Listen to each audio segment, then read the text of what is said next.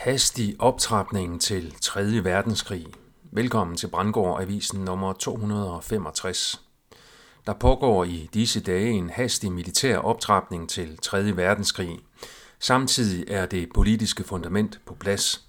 Der mangler måske bare lige et par falsk flag terrorangreb. Mit navn er Per Brandgård, det er den 24. oktober 2023.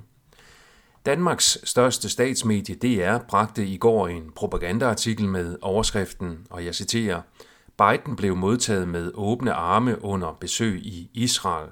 Det er lillebror, der omfavner storebror. Citat slut.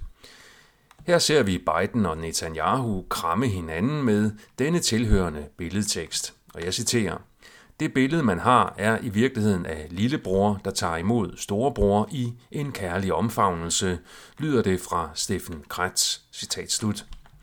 Jeg har på Facebook skrevet denne alternative billedtekst, og jeg citerer mig selv. Stakkels Israel og USA, de er blevet angrebet af kvinder og børn i Gaza.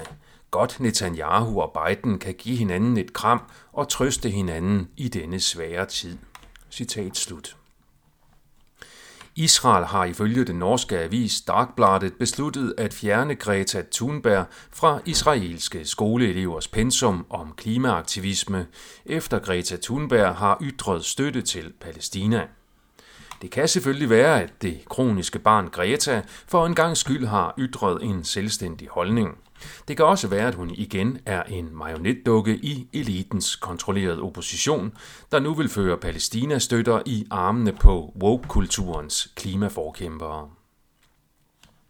Den danske skribent bag Kaos Navigator har udgivet flere artikler de seneste dage, der tyder på, at verdens store militære magter forbereder sig konkret på en stor krig i kølvandet på Israel-Palæstina-konflikten. Rusland tillader Iran at bruge russisk luftbase i Syrien. Rusland siger, at amerikansk militær forstærkning i Mellemøsten risikerer eskalering. Tre USAF air tankers i det østlige Middelhav kunne være et tegn på et forestående større angreb fra USA.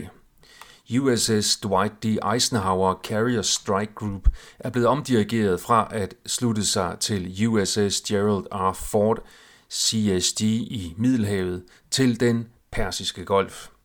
NATO vil gennemtvinge en blokade mod russiske skibe i Østersøen.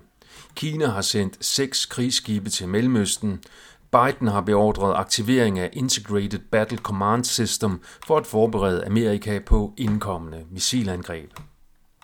Chaos Navigator skriver videre, og jeg citerer, False flag terror i New York, London og andre europæiske byer er på vej. Det er indlysende. Citat slut. Jeg er enig i den vurdering. Falsk flag terror er, når en part udfører et terrorangreb på en anden part eller på sig selv, forklædt som en tredje part, der via propaganda bliver tildelt skylden, og som via yderligere propaganda dermed bliver et legitimt mål for militære angreb, inklusiv alt, hvad der direkte eller indirekte er relateret til den falske angriber. Det er en krigsstrategi, som hovedstrømspressen konsekvent aldrig beskæftiger sig med, da hovedstrømspressen medvirker i den propaganda, der er en integreret del af disse velfinansierede, statsstøttede terrorbegivenheder. 9-11 var efter min og andre uafhængige observatørers vurdering et eksempel på et falsk flag terrorangreb udført af sionister på USA med islamister som dem, der fik skylden, med henblik på at starte den globale og kroniske krig mod terror og motivere USA, Danmark med flere til at føre krig mod Israels fjender i Mellemøsten. Det er smart militær strategi, hvor de kloge narer de mindre kloge.